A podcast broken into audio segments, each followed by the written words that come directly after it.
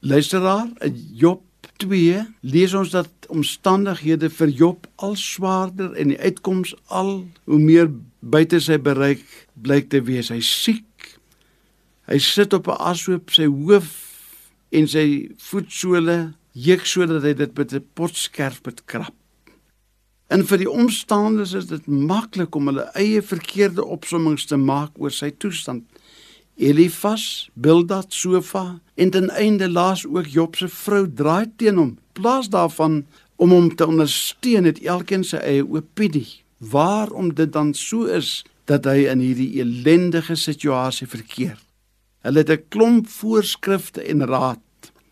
Skynbaar het hulle nog nooit uitgevind dat iemand wat in probleemsituasies verkeer, nie sedepreekies, verwyte en voorskrifte nodig het Iemand wat in die probleme is, het veel eerder begrip en liefde nodig. Job se eie vrou moedig hom aan om op te hou om sy tyd kwansies met die geloofslewe en vertroue op die Almagtige te laat vaar. Ek wonder of sy nog so sou praat as daar 'n rekord oestersprake was en as dinge baie mooi klopdisselboom geloop het vir hulle as gesin.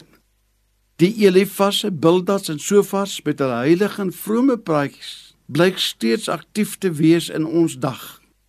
Daar is sekere mense wat beter weet of probeer weet en haar fyn analises kan maak oor ander se geestelike omstandighede, maar dan in die 10de vers van Job hoofstuk 2 hoor ons hoe die vroomheid en opregtheid teenoor God te voorskyn kom wanneer Job vra sê jy praat soos 'n dwaas Ons het nie 'n waarborg dat die pad hemel toe probleemloos sal verloop nie, maar ons het 'n waarborg dat niks ons sal skei van sy liefde, nie armoede, vervolging of swaarte.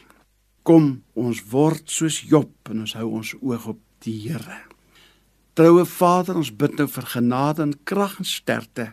Help ons dat storms en beproewings ons nie van U af los sal maak nie, maar vaster sal anker in die geloof van U woord. Amen.